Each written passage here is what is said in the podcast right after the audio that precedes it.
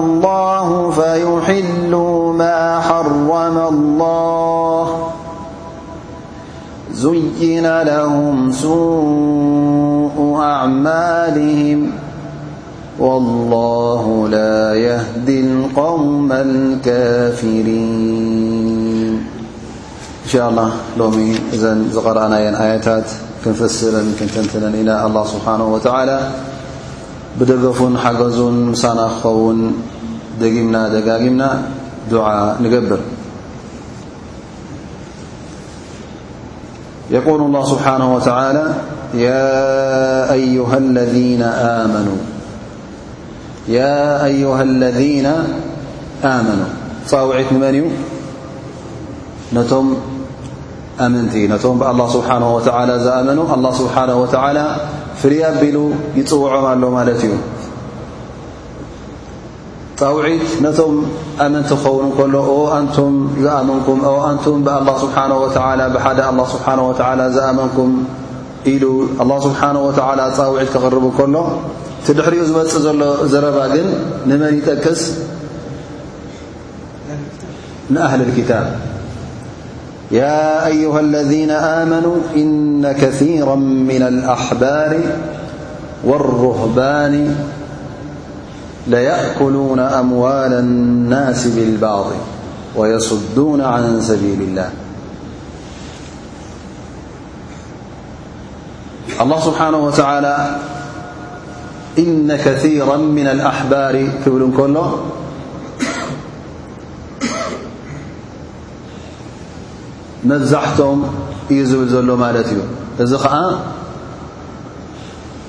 ኣለዉ ካብኣቶም ነዚ ነገር እዚ ዘይፈጸሙ ማለት እዩ ግን መብዛሕቶም እዚ ጌጋ እዚ ከም ዝፈጸሙ ኣላ ስብሓን ወተዓላ ይሕብር ኣሎ ስለዚ ኣላ ስብሓን ወተዓላ እቶም ሰብ ጌጋ ብዙሓት ከም ዝነበሩ ይሕብረና ኣብ ርእሲኡ ድማ ኣላ ስብሓን ወተዓላ ንዅሎም ኣብዚ ጌጋ እዚ ኣይለከሞምን ግን ፍልይ ኣቢሉ እቶም ተጋገዩ ኣላ ስብሓን ወተዓላ ካብቶም ኣህለል ክታብ ካብቶም ኣይሁዳውያን ይኹኑ ካብቶም ክርስትያን ነዚ ጌጋ ዝፍጽሙ ከም ዝነበሩ ኣላ ስብሓን ወተዓላ ይሕብር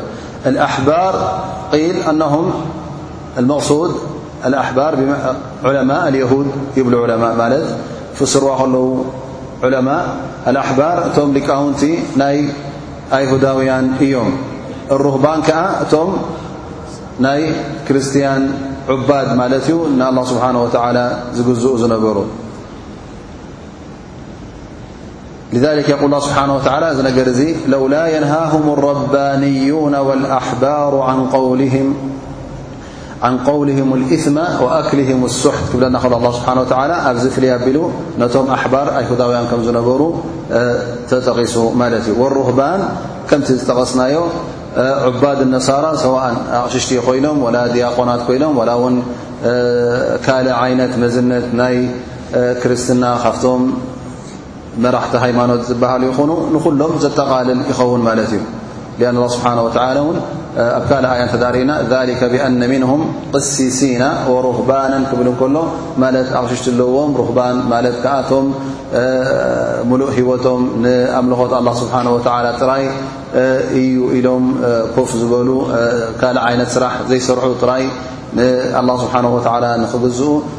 ነብሶም ዝምነኑ ማለት እዩ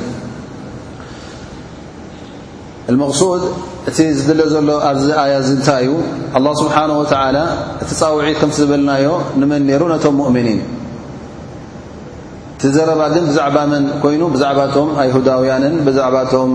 ክርስትያን ክኸውን ከሎ እንታይ እዩ ዘርኢ ዘሎ ኣላ ስብሓን ወተላ ሕጂ መጠንቀቕታ እዩ ዝህብ ዘሎ ጥራይ ከምዛ እንታይ ኮነን ንዓኻ ዝጥቀስ ዘሎ ዝነገር እዙ እነማ ኣላ ስብሓን ወተላ ካብቶም ዑለማእ ሱቅ ዝበሃሉ ካብቶም ዕልሚ ተዋሂቦም ብዛዕባ ዲኖም ሰዋእንካን እዚ ዲን እዚ ቅኑዕ ዲን ኮይኑ ወይ እውን ኣብ እስልምና ዘሎ ብዓ እውን ዓልም ተባሂሉ ፈላጥ ተባሂሉ ከምኡ ውን እቶም ዑባድ ኣላል ማለት እቶም ንኣላ ስብሓን ወተላ ኢና ነምልኽ ዘለና ኩሉ ህየትና ንኣላ ስብሓን ወተላ ኣሕሊፍና ሂብና ኢና ዝብሉ ዘለዉ እሞ ለይትን መዓልትን ኣብ ዕባዳ ኣብ ኣምልኾት ኣላ ስብሓን ወላ ከነጥፍኦ ኢና ዝበሉ እዞም ሰብ እዚኦም እንተ ደኣ ኣብ ጌጋ ወዲቖም ብዛዕ እቲ ጌጋ ናቶም ቀሊል ከም ዘይኮነ ዓብ ጌጋ ከም ዝኾነ ኣላ ስብሓን ወተላ ይሕብር ኣሎ ማለት እዩ ሊክ ስፍያን እብኒ ዑየይና የቁል መን ፈሰደ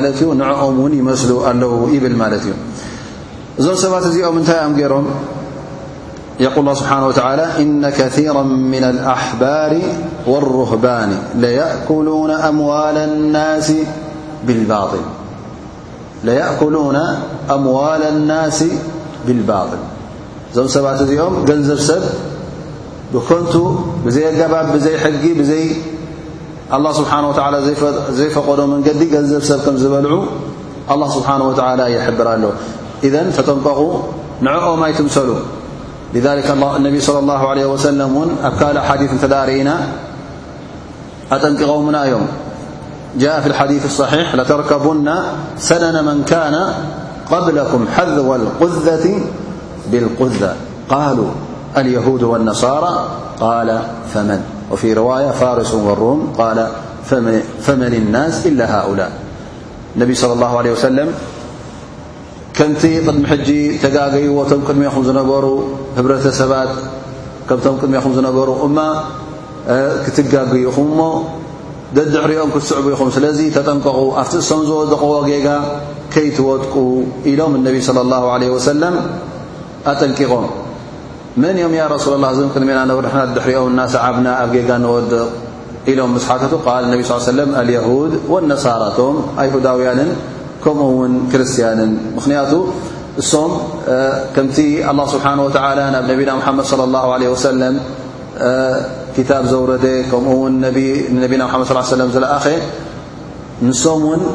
الله سبحنه وتعلى ن تلئخዎم ب وردዎم ካብዚ መምርሒ እዚ ወጺኦም ተጋግዮም ዊንቶኦም ዝበሎም ደስ ዝበሎም ስለ ተጋገዩ እሞ ኣላ ስብሓን ወተዓላ እውን እዞም ሰባት እዚኦም ካብቲ መገዲ ምስ ጠፍኡ ብድሕሪኦም ንመን ልኢኹ ንነቢና ምሓመድ ለ ላሁ ለ ወሰለም ልኢኹ እዘን ንሕና እውን ከምቲ እሶም ተጋገይዎ እሶም ን ሰብ እዮም ከማና ስለዚ እተ ክቀጢልካ በቲ ኣላ ስብሓን ወተዓላ ዘውረደልካ ክታብ ዘይትኸይድ ኣለኻ እተ ኮይንካ ልክዕ ከምቲ እሶም ተጋገይዎ ትጋገ ኣለኻ ማለት እዩ ክታብ ወሪዱ እኳ እንከሎ ልኡኽ ኣላ ስብሓን ወተላ ተላኢኾካ እንከሎ ንዕኡ ጠንጢንካ ንዕኡ ገዲፍካ ብውንታኻን ብእምሮኻን ክትከይድ ከለኻ ከምቲ ሶም ዘጋገይዎ ትስዕብ ኣለኻ ማለት እዩ ኣይሁዳውያን እናፈለጡ ከለዉ እቲ ክታብ ኣብ ኢዶም እንከሎ እቲ ዕልሚ ተዓሊሞሞ እንከለዉ እናፈለጡ ከለዉ ይጋገዩ ነይሮም፣ ጥሒሶም ይኸዱ ነይሮም። ክርስትያን እውን እቶም ተጋገዩ ነቲ ዕልሚ ቀጥ ኣቢሎም ከይሓዙ እንከለዉ ግን ናብ ዒባዳ ገጾም ብዝያዳ ናብኡ ኣተኲሮም እናኸዱ እንከለዉ እውን ብዘይ ፍልጠት ንኣላ ስብሓን ወተዓላ እቲ ዕልሞም ፍልጠቶም ውሒዱ በቲ ጥራይ ዒባዳ ኢሎም ኣምልኾት ኣላ ስብሓን ወተዓላ ቀዳምነት ክንህብ እናበሉ ብዘይ ፍልጠት ብዘይ ዕልሚ ነቲ ዒባዳ ክፍጽሙ ዝተረኸቡ ጌጋ ገይሮም ማለት እዩ እቲ ኣላ ስብሓን ወተዓላ ዝኣዝዞ ገዲፎም ባዕሎም ብኢደውነንኦም ሓድሽ ዓይነት ዒባዳ ክምጽኡ ተረኺቦም ላ ስብሓን ወተዓላ እዞም ሰባት እዚኦም ለየእኩሉነ ኣምዋል ኣናስ ብልባጥል ቀዳማይ ነገር ገንዘብ ሰብ ብኾንቱ በልዑ ከም ዝነበሩ ኣይ ምእንቲ ናይ ኣዱንያ ረብሓ ክብሉ ንዲኖም ይሸጡ ከም ዝነበሩ ምእንቲ እቲ ዘለዎ ክብርን እቲ ዘለዎ ልኡል ቦታን እቲ ዘለዎ መዝነት ንክሕሉ ገንዘብ ሰብ ብኮንቱ ይበልዑ ነይሮም እዚ ገንዘብ እዚ ብዘየገድስ ብሽም ምንታይ ይወሃብ ብስም ሃድያ ህያብ ይኹን ብኻልእ ዓይነት ስም ናይ ክፍሊት ይወሃቦ ቐረጽ ይበሃል ግብሪ ይበሃል ዝኾነ ይኹን ሽም ተዋሂቡ እንተ ደኣ ወስድዎ ኣለዉ ኮይኖም ብዘይ ኣገባብ ብዘይ ሸርዒ ኣላ ስብሓን ወተዓላ እዞም ሰባት እዚኦም ኣላ ስብሓን ወተዓላ ገንዘብ ሰብ ብዘይግብኡ በልዑ ከም ዝነበሩ እዩ ዝሕብረና ዘሎ ማለት እዩ መራሕቲ ሃይማኖት ተባሂሎም እቲ ሰብ እናኽበሮም እንከሎ እሞ ገንዘብ ንዕኦም ይኸፍሎም እዚ ገንዘብ እዚ ኣኪቦም ክበልዕዎ እንከለዉ ብዘይ ኣገባብ ብዘይ ሸርዒ ስለ ዝመፀ እንታይ ደኣ ምናልባሽ ሓንሳእ ምእንቲ ናይ ምሕረት ናይ ምንዛዝ ምሕረት ንክወሃብ ተናዘዝ ተባሂሉ እንታይ ይኸፍል ማለት እዩ? ክፍሊት ይኸፍል ማለት እዩ። ሽዑ እቲ ዘናዝዞ ዘሎ ሰብ ገንዘብ ይቕበል ወይ እውን ክፍረድ ክመጽእ እንከሎ ሕቶ ክሓትት እንከሎ ብዛዕባ ናይ ሸርዒ ንዓ እዛ ኣነስ ኣብ ከምዚ ከም ዝኣመሰልኩ ከምዚ ጌጋ ገይረ ወይ ከዓ ከምዚ ፈፂመ ኢሉ ክቐርብ እንከሎ መልሲ ክቦ እንተ ኮይኑ ገንዘብ ሂቡ መልሲ ክቕበል እንተ ደኣ ኮይኑ እዚ ሕጂ እዚ ፈትዋ ዝወሃብ ዘሎ ብገንዘብ ዝወሃብ ፈትዋን ስለ ዝኾነ እዚ ገንዘብ እዚ ሓላል ኣይኮነን ወይ እውን ንኸቃልለሉ ኢሉ ንዓ ሎም መዓልቲ ምሳይ ተመሳሒሉ ኣብሊዑ ኣስትዩ ገንዘብ ሂቡ እሞ ኣነ ኣንተ ኣበሸክና ከምዚኣ ከምዚኣ እንዳ ተጓኒፋህኒ ኢሉ ይሓቶም ማለት እዩ ሕጂ ከምታ ዝብልዋ ዝኣከለት ልበጠል እስተሐት ልዐይን እተ በሊዑ ኮይኑ እንታይ ደልየሉ ማለት እዩ ምውፅእ ደልየሉ ሒላ ካብታ ወዲቕዋ ዘሎ ሽግር እዚኣስ ደሓንያ ከምዚ ጌርካ ከም ጌርካያ እንሻ ላ ሽግር የብላን ኣብሽር ኢሉ ይኻርጆ ማለት እዩ ሕጂ ሱታ ሓቂ ኮይና ኣይኮነትን ዝቦ ዘሎ ዛመልሲ እዚኣ እንታይ ደኣ ስለ ዝበልዐ ስለ ንዕኡ ንኸየኾሪኑ ናይ ዱንያ ነገር ስለ ዝጠመተ እታ ናይ ኣኼራ ንዓ ግድፍ ኣቢልዋ ይኸይድ ኣሎ ማለት እዩ ላ ስብሓን ወተላ እዞም ሰባት እዚኦም እዞም ከምዚ ዝገብሩ ወይ እውን ረሽዋ በልዕ ማለት እዩ እዚ ሰብ እዙ በቲ ኣላ ስብሓን ወተላ ዘውረዶ ንኸይፈርዶ ብኻልእ መሰረት ንኸፈርዶ ነቲ ኣላ ስብሓን ወተላ ዝበሎ ገዲፉ ብሕጊ እንዳባ ኮይኑ ወላ ከኣ ብሕጊ ካልኦት ኮይኑ ክፈርዶ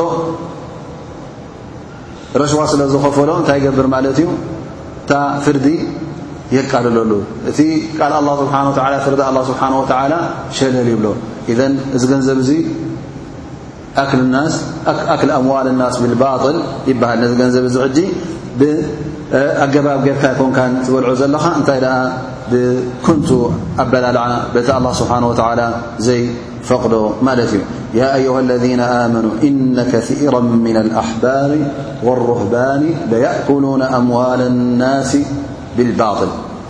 እዚ ሰብ ኣብኦም እዩ ተረኺቡ ነይሩ እሞ ንስኹም እውን ተጠንቀቑ ከምኡ ዝኣመሰለ ጌጋ ከምኡ ዝኣመሰለ ገበን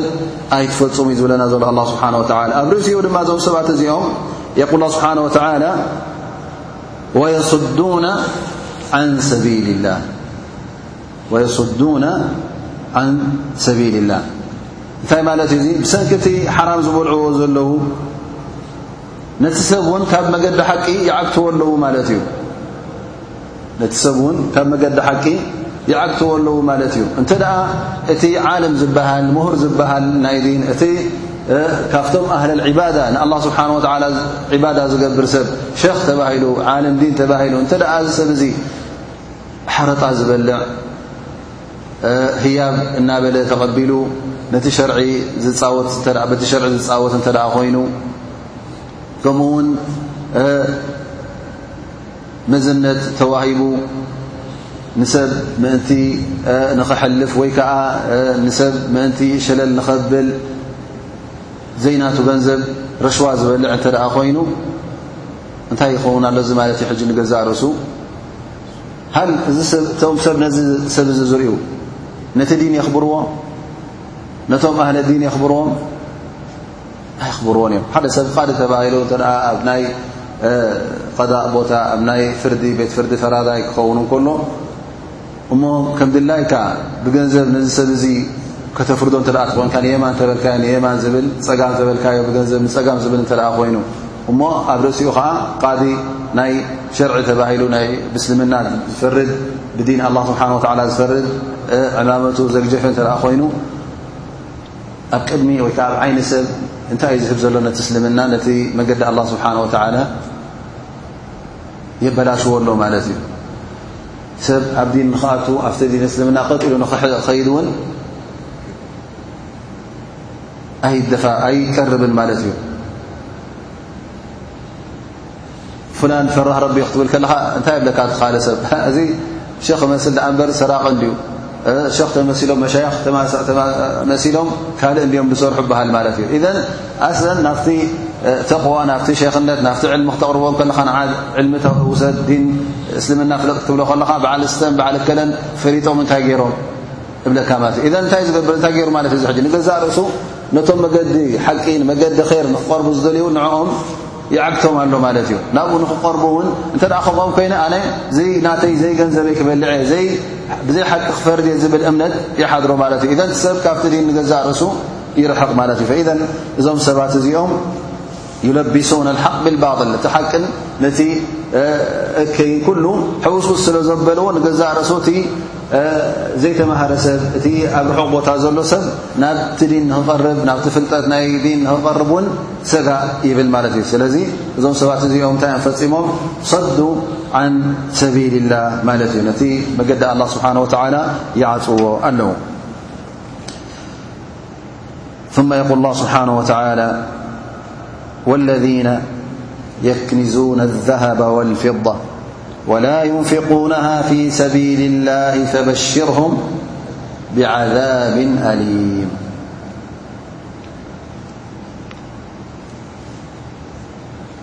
ኣላ ስብሓን ወተላ ሕጂ እዚኦም እውን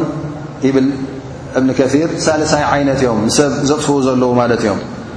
እቶም ቀዳሞት ኣላ ስብሓን ወተላ ዝጠቐሶም ዑለማ ከምኡ ውን እቶም ሩህባን ወይ ከዓ ዑባድ እዞም ሰባት እዚኦም ክልተ ዓይነት እዮም ሳልሳዮም ድማ እቶም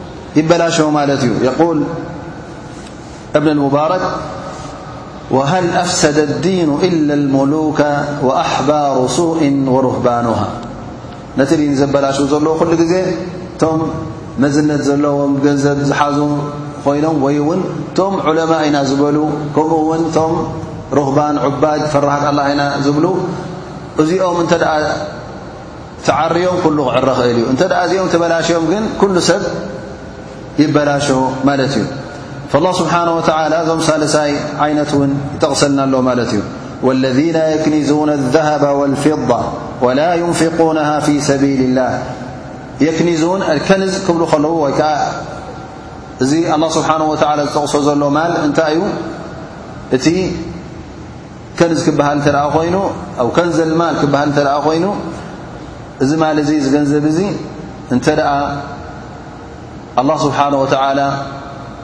ዘውጀበሉ ግዴታ ዝበሎ ኣብዚ ገንዘብ እዚ ዘይወፅእ እንተ ኮይኑ ሽዑ እዩ እንታይ ዝበሃል ከንዝ ዝበሃል ወይ ከዓ እቲ ኣላ ስብሓን ወተዓላ ዝፀልኦ ናይ ምእካብ ገንዘብ ዝበሃል ወቂል እኖ ከንዝ ዝበሃል እንተ ዘካት ዘይተውፅኣሉ ኮይንካ ግን ብሓፈሽኡ ዘካት ሓደ ካብቲ ዋጅባት ስለ ዝኾነ ካልእ ዋጅብ እውን ኣሎ ወዲ ሰብ ግዴታ ዝኾነ እንተ እቲ ዋጅብ ዝኾነ ነፈቓ ንስድራ ቤቱ ንሰበይቱ ደቁ እተ ከ ኣለዉ ኮይኖም ዋጅ ንኡ ንኸውፅኣሎም እተ ኮይኖም ወይ ከዓ ወለዱ ድኻታት እተ ኮይኖም ንኽቦም ንሱ ዋጅቡ እተ ኮይኑ እዚ ሰብ እዚ እንተ ነዚ ዋጅብ እዚ ዘይማልእ ነዚ ግዴታ እዚ ዘይፍፅም እተ ኮይኑ እንታይ ዝበሃል ዚ نب الله سبحانه وتعلى لኦ مكن ي ب ني نب يون نب مكب يقول خالد بن أسلم قال خرجنا مع عبدالله بن عمر فقال هذا قبل أن تنزل الزكاة فلما نزلت جعلها الله طهرة للأموال ዚ مجمر ل الله سبحانه وتعلى تقص ل እተን ናይ ገንዘብ ዝገብሩ ገንዘብ ዝእክቡ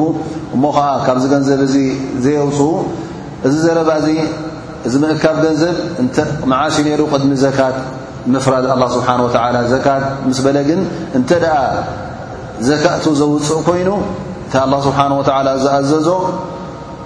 እዚ ሰብ እዚ ካብቶም ኣላ ስብሓን ወተዓላ ዝፀልኦ ማለት ኣይኮነን ወላ እውን ብዙሕ ገንዘብ ይሃልዎ ይብል ማለት እዩ ላኪን ብሓፈሽኡ ዑለማ እብሉ እንተ ደኣ ካብቲ ዋጅባት ካብቲ ግዴታታት ኣላ ስብሓን ወተዓላ ግዴታ ዝበለካ ሰዋእን ዘካት ኣሎ ናይ ግዴታ ክተውፅኦ ዘለካ ዓመታዊ ሓደ እዙ ኣብ ርእሲኡ ድማ ነፈቓ ተውፅኦ ኣሎ ማለት እዩ ንመን ንስድራ ቤትካ ዋጅብ ዝኾነ ከም ዝበልናዮ ንሰበይትኻ ንውላድካ ንወለድኻ ዝወፅእ ዝወሃብ እተ ኮይን ተ ኣብኡውን ነዚ ነገር እዚ ተማልእ እተ ኮይንካ ካልእ እውን ኣብ ጅሃድ ኮይኑ ግዴታ ዝውፃእ እንተ ኮይኑ ኣብ ሰዓታት ኣሎ ጅሃድ ናይ ግድን ክተውፅእ ዘለካ እንተ ፀላኢ ወይ ከዓ ብጀካኻ ነዚ ነገር እዚ ዘይፍፅሞ ዘየሎ እተ ኮይኑ እሞ ከዓ ትማልካ ኣድላይ እተ ኮይኑ ኣብዚ ሰዓት እዚ ዋጅብ ስለ ዝኾነ ነዚ ዋጅባት እዚ እንተ ደኣ ኣማሊእካ ወላ እውን ብዙሕ ገንዘብ ይሃልኻ እዚ ገንዘብ እዚ ገንዘብ ናይ ኼር ድኣ እምበር ንዓኻ ዝወድእ ገንዘብ ኣይኮነን ይብሉ ዑለማ ስለዚ እቲ ጉዳይ እንታይ እዩ እዞም ኣላ ስብሓን ወተዓላ ዝጠቕሶም ዘሎ እቶም እዚ ገንዘብ እዚ ኣኪቦም ካብኡ ፈፂሞም ሊላህ ኢሎም ዘየውፅኡ ኣላ ስብሓን ወተዓላ ዝኣዘዞም ናይ ዘካት ኮይኑ ናይ ካልእ ዓይነት ምውፃእ ገንዘብ ኣላ ስብሓን ወተዓላ ዝኣዘዞ እንተዘየውፅኡ ንሶም እዩ ኣላ ስብሓን ወተዓላ ኣብዚ ኣያ እዚ ጠቒስዎም ዘሎ ብዛዕባ እነቢ صለ ላه ለ ወሰለም እውን ብዛዕባ ናይ ብዝሒ ገንዘብ ዘለዎ ሰብ እሞ እዚ ገንዘብ እዙ ሊላ ኢሉ ዘይውፅእ እንተ ደኣ ኣዱንያ ኩሉ ግዜ ተዐሽዎ ኮይና ኩሉ ግዜ ካብቲ ዒባዳ ዘርሕቆ እተ ኮይኑ እዚ ገንዘብ እውን እነቢ صለ ላሁ ለ ወሰለም ብዛዕባ ወርቅን ብሩርን ክጠቕሱ ከለዉ ከም ፅሉእ ነገር ገይሮም ጠቒሶሞ እዮም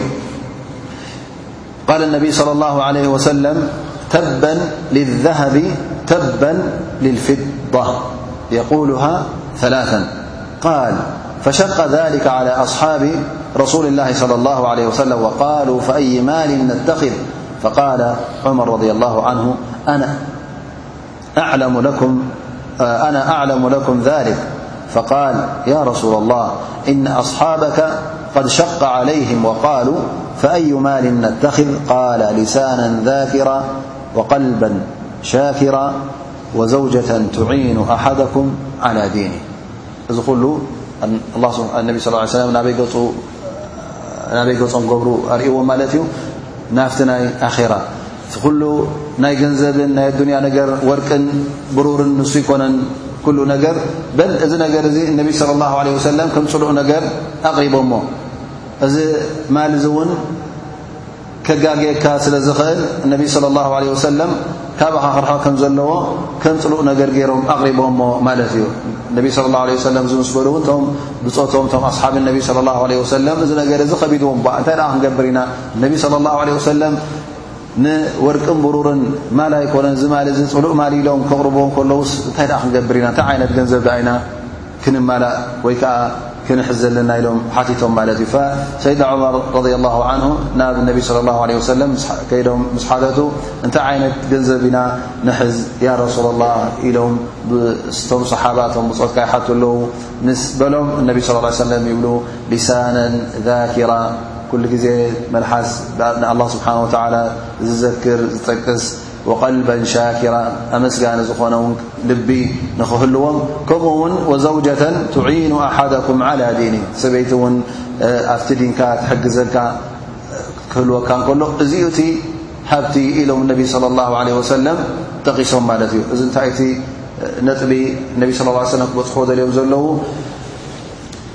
ቀንዲ ነገር እቲ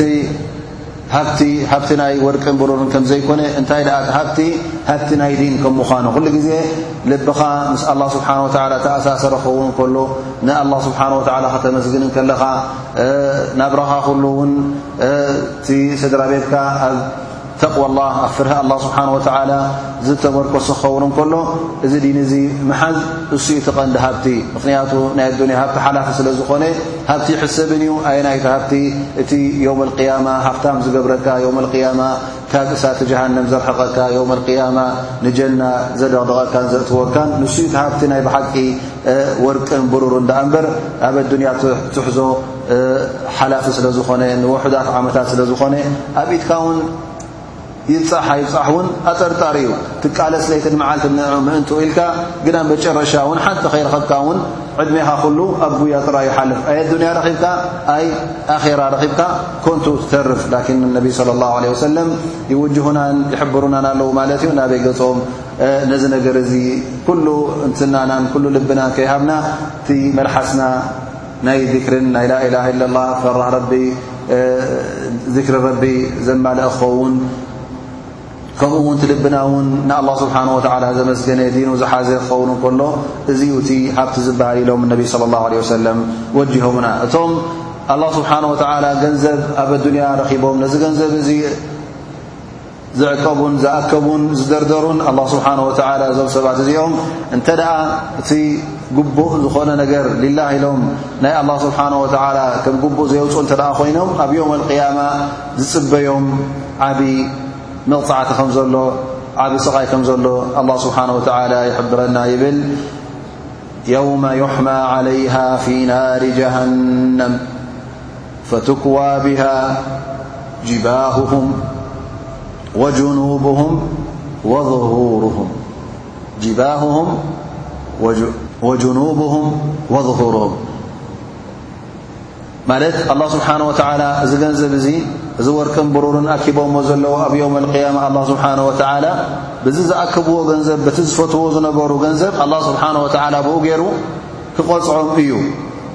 እዚ ገንዘብ እዚ ኣላ ስብሓን ወተዓላ ኣብ እሳተ ጀሃንም ከርስኖ እዩ ቃልቃል ክሳዕ ዝብል ረስኒ ናይ ጀሃንም ድማ ቀሊል ረስኒ ኣይኮነን ቀሊል ዋዒ ኣይኮነን በዚ ወርቅን ብሩርን ኣኪቦሞ ዝነበሩ ኣብ ዮም ቅያማ ምስ ረሰነ ምስ ተቓጸለ ብኡ ገይሩ ኣላ ስብሓን ወተዓላ ነዞም ሰባት እዚኦም ክትኩሶም ከም ምዃኑ ኣብ ግንባሮም ይኹን ኣብ ገጾም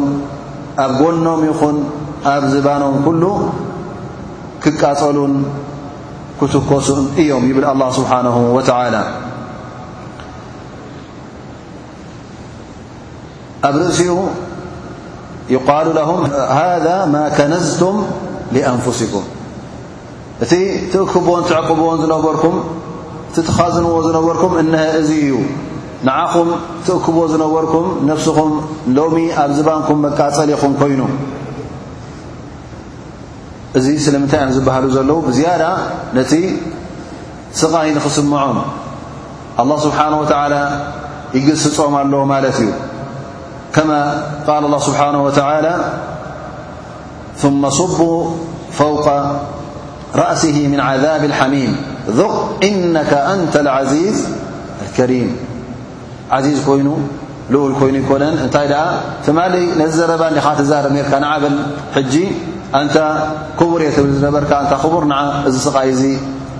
ቅመሶ ይበሃል ማለት እዩ ፈኢዘ ኣላ ስብሓን ወተዓላ እውን ነዞም ሰባት እዚኦም እነሀ እቲ ትእክብዎ ዝነበርኩም እነ እቲ ትሓብእዎ ዝነበርኩም እነ እቲ ትሸፋፍንዎ ዝነበርኩም ዝኣከብኩሞ ንዑ እቲ ዝኣከብኩምዎ ንዑ ጠዓምዎ ንዑ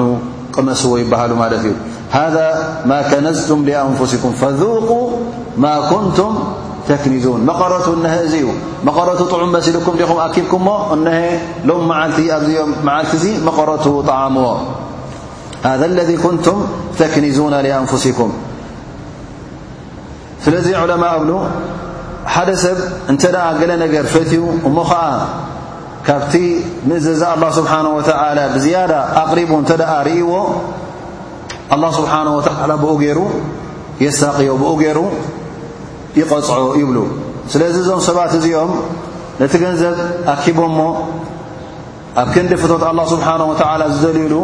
ብኮንቱ ብባጥል ኣኪቦሞ ንሊላህ እውን ኢሎም ስለ ዘየውፅዎ ኣላ ስብሓን ወተዓላ በዚ ገንዘብ እዚ ገይሩ በዚ ማል እዚ ገይሩ የሳቅዮም ማለት እዩ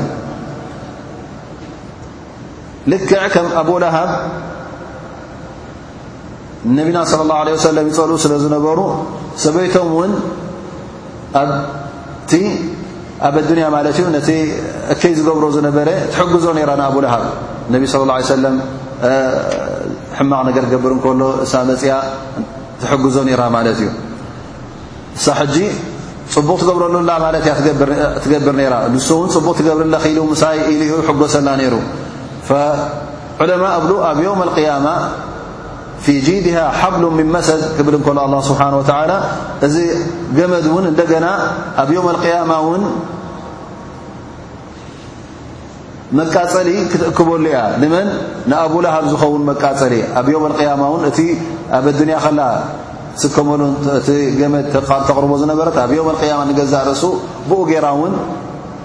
ንሳን ሰብኣያን ክሳቐዩ ከም ምዃኖም እቲ ኣብ ኣዱንያ ትገበርካዮን ትፈትዎን ዝነበርካ ጽባሕ ንግሆ መቕጽዒኻ ከም ዝኸውን ብኡ ከም ትሳቐው እዩ ኣላ ስብሓን ወተዓላ ዘርእየና ዘሎ ይብሉ ስለዚ ገንዘብ ኩሉ ግዜ ነቶም ሓለውቲ ገንዘብ ፍትውን ፍቑርን ስለ ዝኾነ ካብ ኣላ ስብሓን ወተዓላ ካብ እዘዛ ኣላ ስብሓን ወተዓላ ዝያዳ ንዕኡ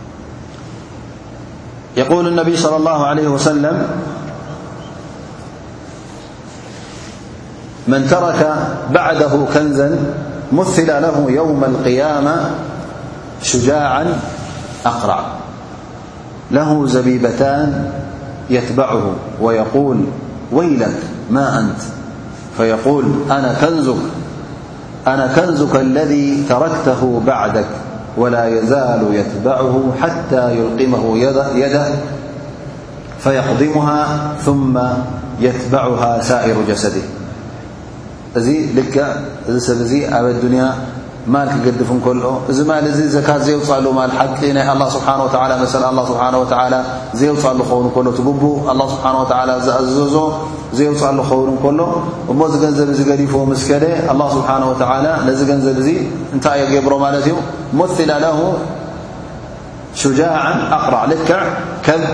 ዓብዪ ገበል በራሕ ገበል ማለት እዩ እዚ ይብሉ ዑለማ ስለምንታይ ከም በራሕ ገበር ይኸውን ኢሎም ምኽንያቱ እንተ ገበል ስሙ በዚሑ ትጨጉሩ ኣብ ርእሲ ዘሎ ቁሩብ እታ ይኸውን ይረግፍ ይብሉ ፈኢዘን ዝያዳ እቲ ስሙያ ማለት እዩ ከምኡ ገይሩ ነቢ ስ ሰለም ገሊፅዎ እዚ ሕጂ ለሁ ዘቢበታን የትበዕሁ ማለት ደድሕሪኡ ኸይድ ማለት እዩ ደድሕሪ መን ደድሕሪ እዚ ገንዘብ ገዲፉ ዝኸደ ሽዑ ይሓቶ ወይለክ ማ ኣንት መን ኢኻ ስኻ እንታይ ካ ደድሕሪ ትኸይድ ዘለኻ ኢሉ ይሓትት ፈየቁል ኣነ ከንዙክ ኣነ ገንዘብካ እየ ኣነ እቲ ትሕልወኒ ዝነበርካ ትኸዝነኒ ዝነበርካ ገንዘብ እየ ድሕሪኻ ገዲፍካኒ ኣነ እየ ይብሎ ማለት እዩ ደድሕሪኡ ውን ይኸይድ እናኸደ ከሎ መፅኡ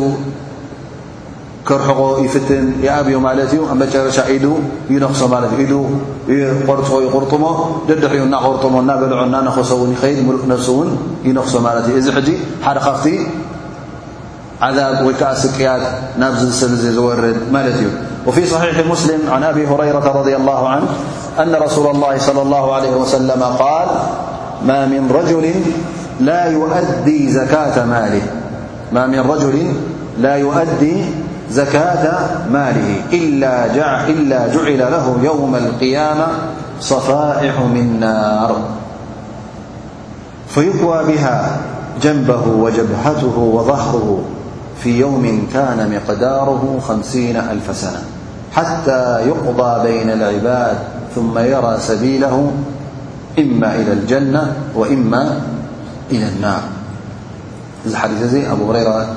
ዝጠቀሶ ማለት እዩ ሰሒሕ ሙስሊም ኣብ ክታብ እማም ሙስሊም ዘሎ ይብል ነቢ صለ ላሁ ለ ወሰለም ዝኾነ ይኹን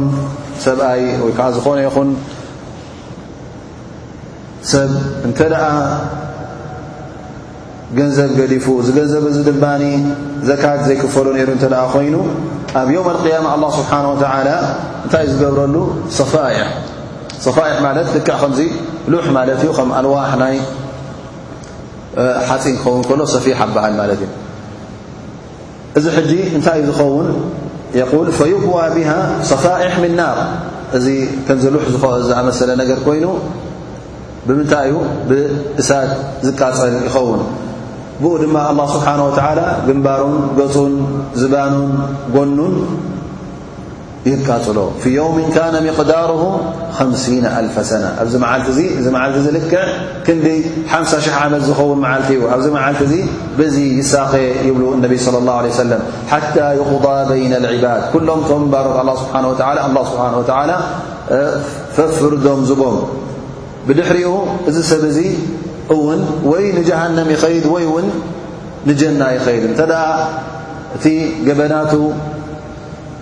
ውሑድ ነይሩ እንተ ኮይኑ ካልእ ዓይነት ዝገበሮ ሰናይ ነገር ዝነበረ እንተ ኮይኑ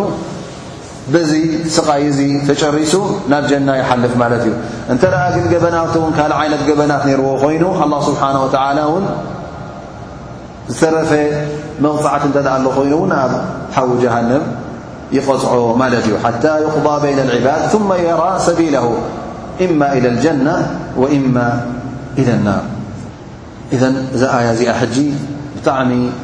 ክልተ ዓበይቲ ነገራት ጠቒሳ ማለት እዩ እሱ ኸዓ ኣብ ናይ ማል ናይ ገንዘብ ዝርከብ ጥፍኣትን ጌጋን ማለት እዩ ንሱ ኸዓ ቀዳማይ እቲ ገንዘብካ ኣብ ኮንቱ ክተጥፍኦ ከለኻ ኣብ ባጥል ክተጥፍኦ ኣብ ጉቦ ኣብ ሓረጣ፣ ኣብ ረሽዋ ኮይኑ ኣብ ማዕስያ ኣብቲ ኣላህ ስብሓነሁ ወተዓላ ዘይፈትዎ ክጠፍእ እንከሎ እዚ ንገዛእ ርእሱ ባጥል ነገር ስለ ዝኾነ ለያእኩሉነ ኣምዋል ናስ ብልባጢል ጠቒስዎ ዝነበረ ኣላህ ስብሓነ ወተዓላ እቶም ቀዳሞት ጠቒሱልና ማለት እዩ ካልኣይ እውን እቲ ኣላህ ስብሓነ ወተዓላ ኣብቲ ኣላህ ስብሓነ ወተዓላ ዝኣዘዘካ እንተ ዘይተውፅኦ ኮንካ ኣብ ዘካት ኮይኑ ኣብቲ ዋጅባት ኮይኑ እንተ ዘይተውፅኦ ኮንካ እውን እዚ እቲ ካልኣይ ዓይነት ጥፍኣት ናይ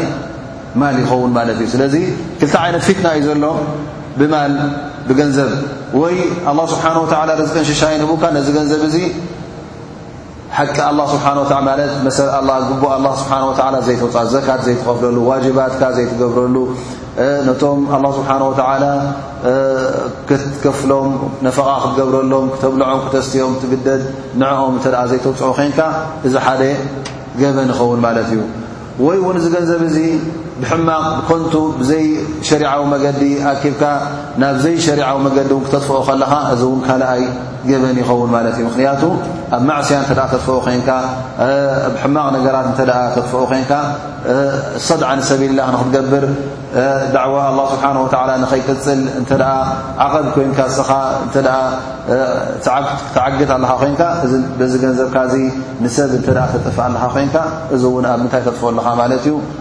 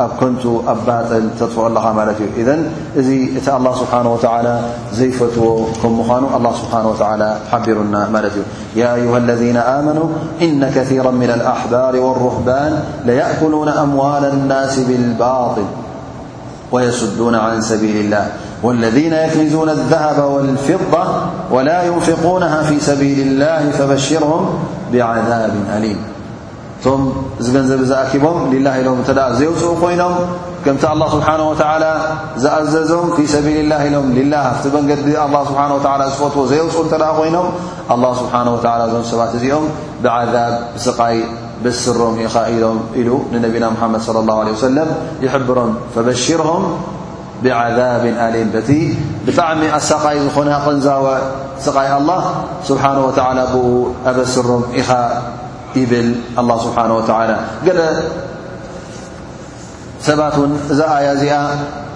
ري نم أحبار ورفبان نم أهل الكتاب ريي من الباش نخيبلو كم نجر مسل تتقش نر قدمن كما روى البخاري في تفسيره عن زيد بن وهب قال مررت على أبي ذر بالربذة فقلت ما أنزلك بهذه الأرض قال كنا بالشام فقرأت والذين يكنزون الذهب والفضة ولا ينفقونها في سبيل ا الله فبشرهم بعذاب أليم فقال معاوية ما هذه إلا في أهل الكتاب قال قلت إنها لفينا وفيهم እዚኣ ኣብ ወዘርብል ሙዓውያ ብሎ እዚኣ ብዛዕባ ቶም ኣህል ክታብ እያ ጠቅስ ዘላ ንኣ እምበር ንሕናስ ምስኦም ኣይኮናን ኢሉ ተዛሪቡ ማለት እዩ ኣብ ወዘር ግን ነዚ ኣያ እዚኣ ንዓና ንኦም ጥራይ ተርኢ ኮነትን ንዕኦምን ንዓናን እያ ምኽንያቱ ገንዘብ ሰብ ኮንቱ ንትበልዕ እውን ኣብ ሸርዒ እስልምና ይፍቀደካን እዩ ገንዘብ እውን ስኦልካ ክትእክቦ ዘካት እንተ ዘይተውፅእ ኮንካ እውን ዓበገበን እዩ ኣላ ስብሓን ወተላ ዝኣዘካ ነገራት ኣሎ ማልካ ክተውፅኣሉ ዘለካ እንተ ዘይተውፅኣሉ ኮንካ ውን እዚ እውን ዓብ ገበን እዩ ስለዚ እዛ ኣያ እዚኣ ጥራይ ምስቶም ናይ ኣህሊ ክታብ ገበን ትጠቐስ ዳኣ እንበር ንሳ ንኹላህና ተመልክት እያ እቶም ኣህሊ ክታብ ዝገበርዎ ገበን እንተ ኮይኑ እሳ እውን ኣብ ግዜና ውን ኣብ እስልምና እውን ገበን እዩ ዝቁፅር ሱቂኢልካ ገንዘብ ብኾንቱ ክትበልዕ ገንዘብ ሱቕ ኢልካ ንኽትእክቦ መሰሉ ሓቁን ዘይትፈልጠሉ እንተ ኮይንካ ከምቲ ኣላ ስብሓን ወተዓላ ዝኣዘዘካ ጌርካ እንተ ዘይተውፅእ ኮይንካ ሊላ ኢልካ እንተ ዘይትኸፍል ኮይንካ እዚ ዓብ ገበን ከም ምዃኑ እያ ትጠቅስ ዘላ ማለት እዩ ብድሕሪ እዚ ኣላ ስብሓን ወተዓላ ይብል እነ ዒደት ሽሁር ዕንዳ ላ እትና ዓሸራ ሸህራ عشر شهرا في كتاب الله يوم خلق السماوات والأرض منها أربعة حرم ذلك الدين القيم فلا تظلموا فيهن أنفسكم الله سبحانه وتعالى قري أورح ني عمد كل ز كمت الله سبحانه وتعالى زخلق عس خل ورح ي بل إن عدة الشهور عند الله اثنا شهرا ع كل ورح تري ين ذ ون الله سبحانه وتعالى أفتي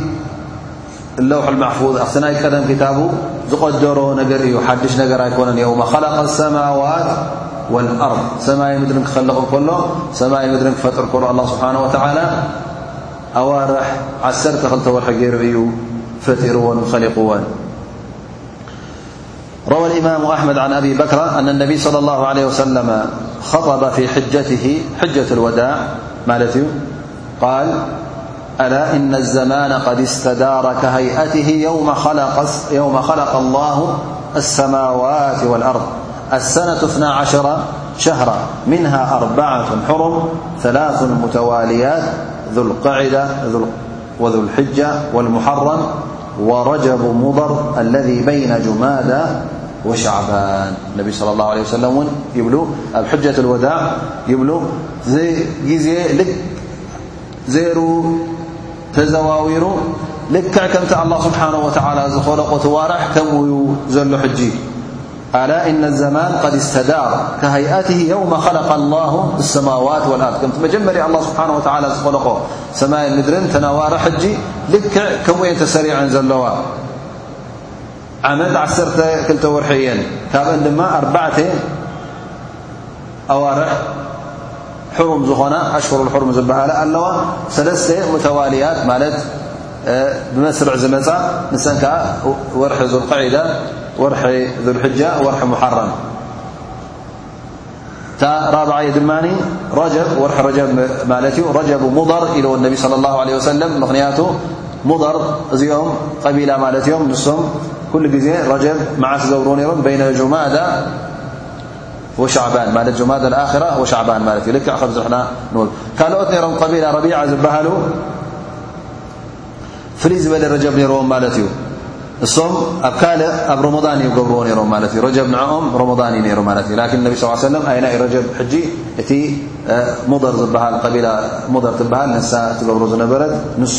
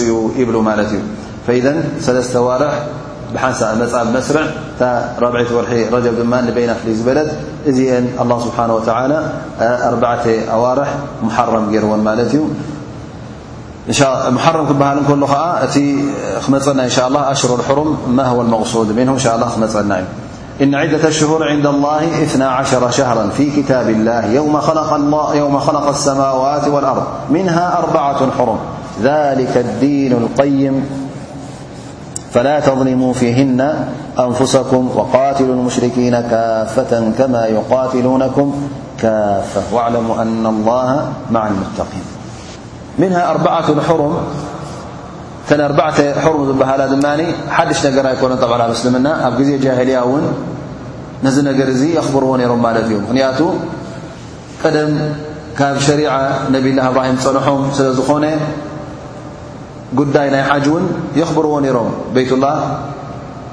ሓጅ ክሕጅጅ እንከሎ እውን ነዚ ቤይቱላ እዚ የኽብርዎ ነይሮም ማለት እዩ እቲ ናይ ኣሽሮ ልሕሩም ንገዛእ ርእሱ ኣላ ስብሓን ወተላ ሓራም ክገብሮ ከሎ ስለምንታይ እዩ ነይሩ ምኽንያቱ ወርሒ ዙልሕጃ ኩሎም ሰባት ንመካ መጺኦም ሓጅ ዝገብሩሉ ወርሒ ስለ ዝኾነ እሞ ኸዓ እንተ ኣብዚ ወርሒ እዚ ኣብዚ ኣዋርሒ እዚ እንተ ኩናት ዝርከበሉ ግዜ ኮይኑ ብሰላም ንቤይትላ ክበጽሑ ዘይክእሉ እተ ኮይኖም እቲ ሓጅ ንገዛእ ርእሱ ንክኸውን ኣስጋኢ እዩ ነይሩ ስለዚ ኣላ ስብሓን ወተላ እዘን ሰለስተ ዋርሕ ካብ ዙልቁዒዳ ጀሚርካ ክሳዕ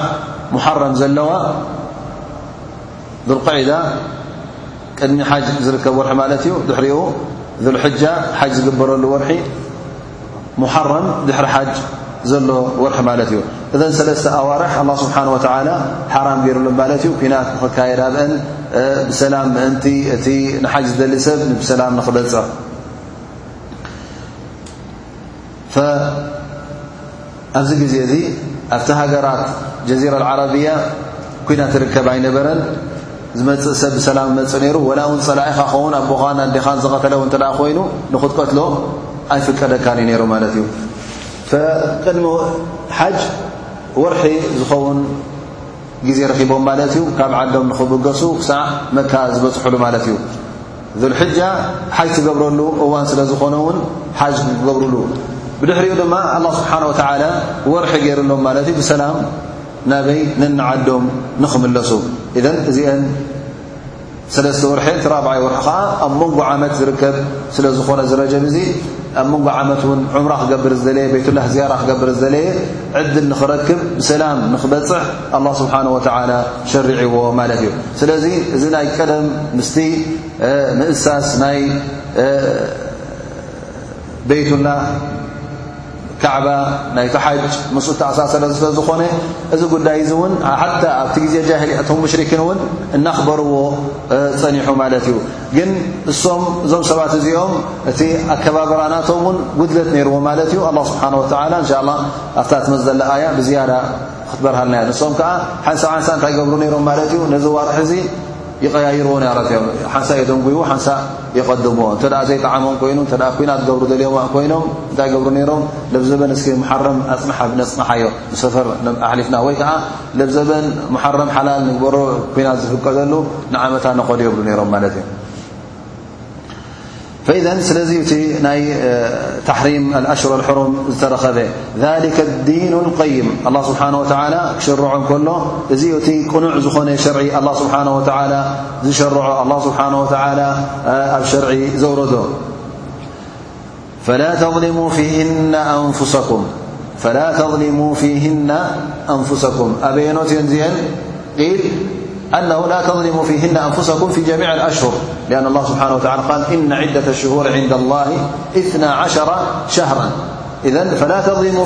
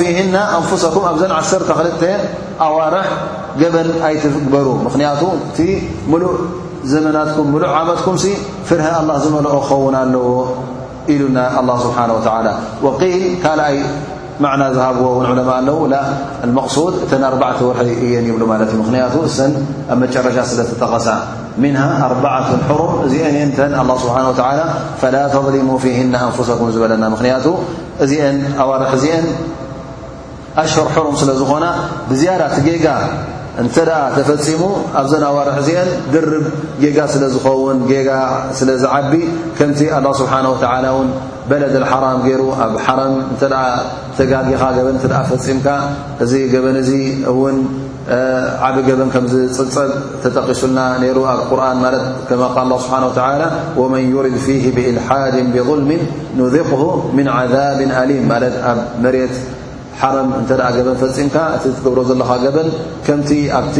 ካልእ ቦታታት ትገብሮ ኣይኮነን እንታይ ደኣ ኣብዚ ትገብሮ ገበን ሙቐለቕ ማለት ብዝያዳ ዓብ ይቁፅር ማለት እዩ ذ ክብሉ ዑለማ እተ ኣርባዕተ ወርሒ እንተ ኣብአን ገበን ፈፂምካ እቲ ገበንካ ብዝያዳ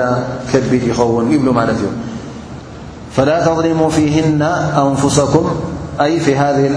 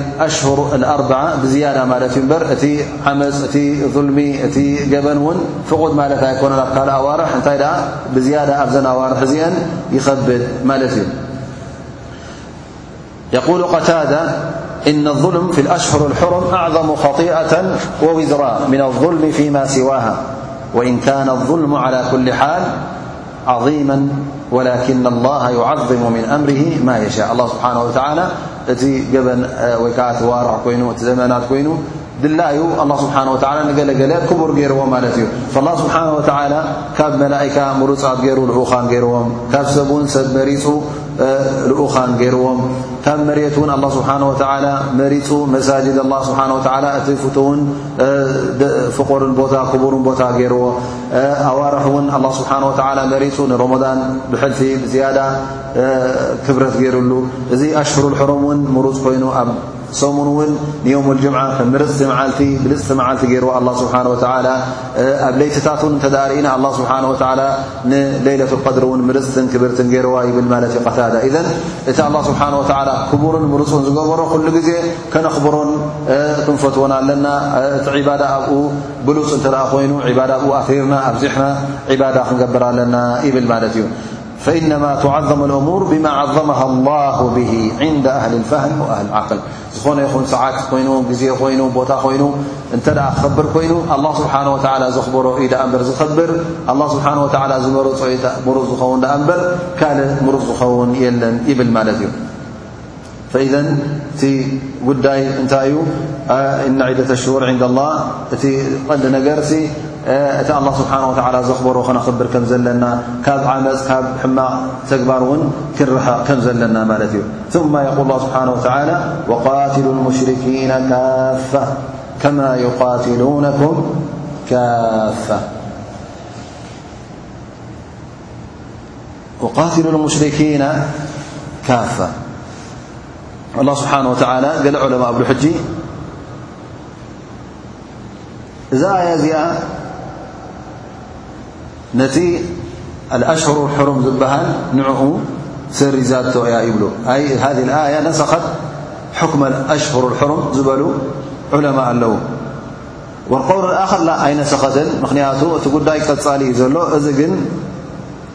ጠቅስ ዘሎ ወቃትሉ ሙሽርኪና ካፋ ማዕና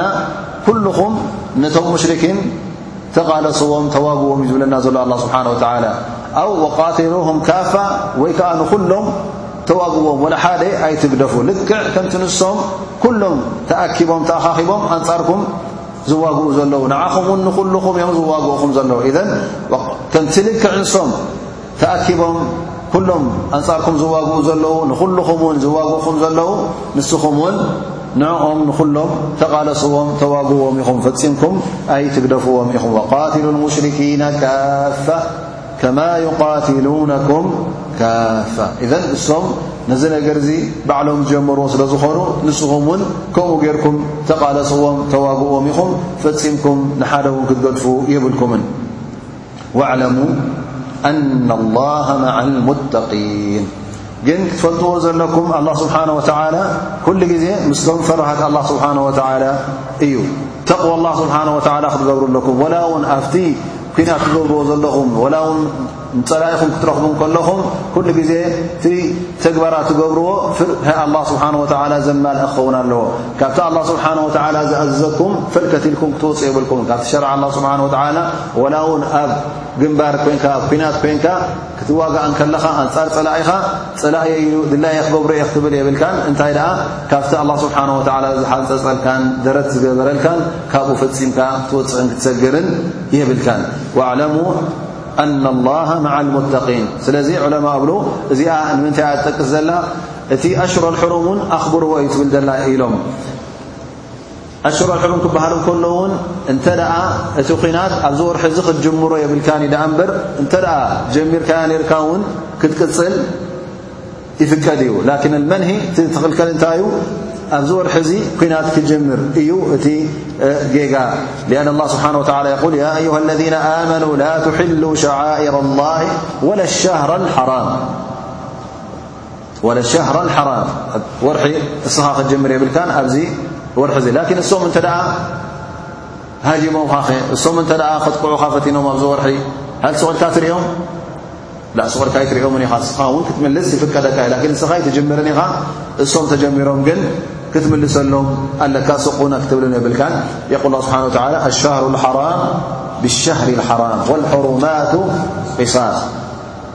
فمن اعتدى عليكم فاعتدوا عليه بمثل ما اعتدى عليك ذ فም جمر شهر الحرم تب ይ وجأ تقለس ك ت وأما قول الله سبحانه وتعالى وقاتلوا المشركين كافة كما يقاتلونكم كافة ي فقابم الله سبحانه وتعالى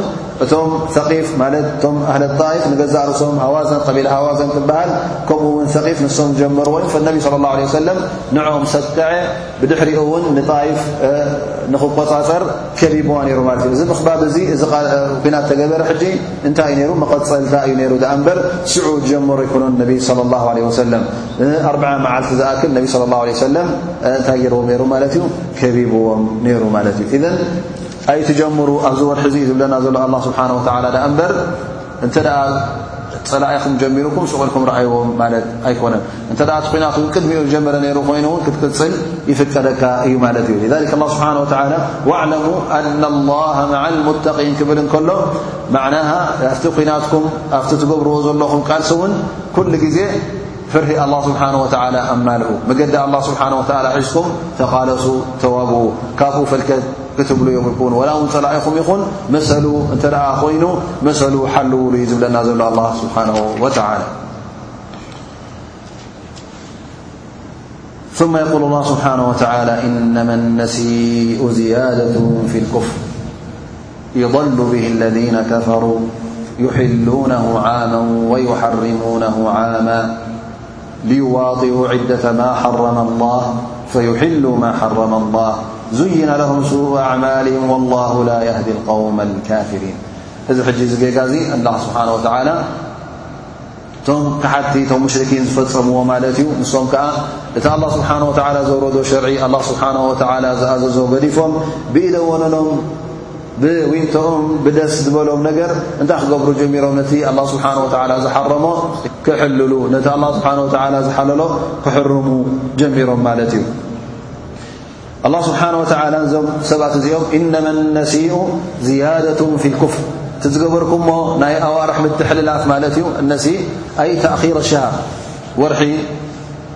ሙሓረም ለብዘበን ነደንጉዮ ኢሎም እዞም ዘደንጉይዎ ነበሩ እዚ ተግባር እዚ ኣላ ስብሓን ወተዓላ ብል ዝያደቱን ፊ ልኩፍር ኣብቲ ክሕደት ዝያዳ እዩ መወሰኽታ ጌርኩም ማለት እዩ ወሲኽኩምሉ ጸሚርኩምሉ ኢኹም ይብል ኣላ ስብሓን ወተዓላ እንታይ እዮም ዝገብሩ ነይሮም እዞም ሰባት እዚኦም ጁናዳ እብኒ ዖፍ ዝበሃል ነይሩ ካብ ብሓጎዎ ጀሚሩ እናይ እዚ ነገር እዚ ወሪስዎ ማለት እዩ ኣብ ዓመት ዓመት መፅኦም እንታይ እዮም ዝገብሩ ምስ ሓጀጁ ነቶም ኣሽራፍ ዝበሃሉ ናይ ቁሬሽ ንዕኦም ይእክብ ነይሩ ማለት እዩ ንኦም ኣኪቡ እንታይ ይቦም ነይሩ እቲ ውሳነ ንዚ ዓመት እዚ ተወሲኑ ዘሎ ናብኦም የመሓላልፈሉ ነሩ በዚ ሰብ እዚ ኣቡ ትማማ ጁናዳ ብን ዖፍ ይበሃል ነይሩ መጺኡ እንታይ ይብል ሓጅ ምስ ተጨረሰ ኩሎም እቶም ዓበይቲ ኣሽራፍ ናይ ሙሽርኪን እቶም ዓበይቲ ሽማግለ ምስ ተኣከቡ ይብሎም ኣነ ኣብ ثማማ እየ ትገበርኩ እንተ ገይረ እውን ጌጋ ጌርካ ኣይበሃልን እየ እሞ ለብዘበን ንወርሒ ሰፈር ሓራም ጌርናዮ ንሙሓረም ከኣ ሓላል ጌርናዮ ኢሉ ውሳነ ህብ ነይሩ ማለት እዩ ሕጂ በዚ ውሳነ እዚ እቲ ነገር ይቕፅል ማለት እዩ ፈሶም እንታይ ዩ ሕጂ እቲ ጉዳይ ነይሩ እንተ ደኣ ነዚ ወርሒ እዚ ኣድላይ ኩናት ኣለዎም ኮይኑ ተሃዊኾም ምእንቲ ኩናት ንክገብሩ ነቲ ወርሒ ሰፈር የደንጉይዎ ንወርሒ መሓረም ከኣ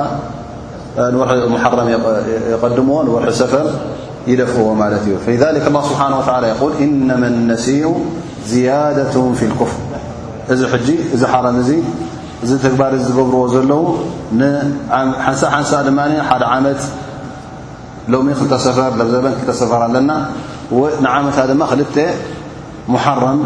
ክንገብር ኢና ኢሎም ይሰማምዑ ማለት እዩ። እዚ ሕጂ ምንቲ ምንታይ እዩ ነቲ ሸርዒ ኣላ ስብሓን ወተዓላ ከም ዝደለዮ ንኸይከውን ዩሕሉነሁ ዓመን ወዩሓርሙነሁ ዓመ ዓመት ደስ እንተ ኢልዎም ሓራም እገብርዎ ንዓመት ታ ደስ እዳ ደይበሎም ሓላል እዩ ይብሉ ማለት እዩ እዚ ኩሉ ንምንቲ ምንታይ እዩ ነቲ ሸርዓ ኣላ ስብሓን ወተዓላ ንኽጥሕሱ ሊዋጢኡ ዒደተ ማ ሓረመ ኣላ ፈዩሕሉ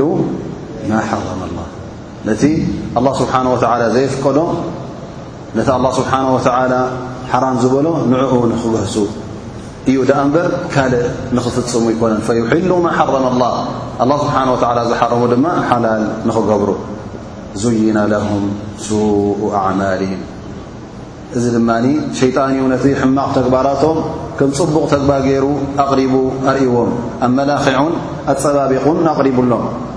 እዚ ገብርዎ ዘለዉ ሰናይ ተግባር ኣይኮነን ሕማቕ ተግባር እዩ ግን ሸይጣን ስለ ዘመላኽዖን ዘጸባበቖን ጽቡቕ ኮይኑ ርኦሞ ወላሁ ላ የህዲ ልቀውመ ልካፍሪን ኣላ ስብሓን ወተዓላ ድማ ኵሉ ግዜ እቶም መገዲ ክሕደት ዝመረጹ እንብዝበሉ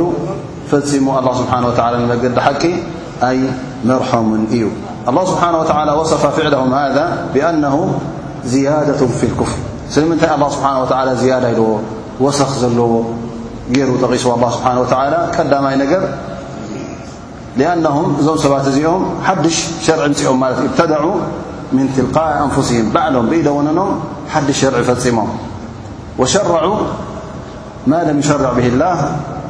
ሸርዒ እዚ ድማ ተሽሪዕ ዝገብር መን እዩ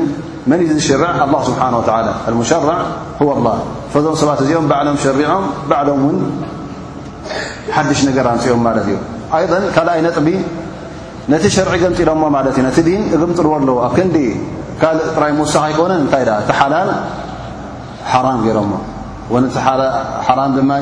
ሓላል ገይሮሞ ክልተ ሳለሳይ ነገር ነቶም ሰብ ንኩሉ ሰብ ውን ኸዲዖሞ ማለት እዮም ቐሺሾሞ ንኣላ ስብሓን ወተላ እውን ዝኸድዕዎ መሲልዎም ይኻዲዑን ኣላ ወህወ ኻዲዑም ኣላ ስብሓን ወተላ እዚ ምጥባር እዚ ዘይፈልጦ ኮይኑ ደብዘበን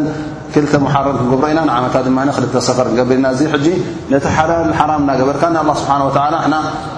ጌርና ኢና ኢልካ ትጥቕሰሉ ኣለኻ ማለት እዩ እዚ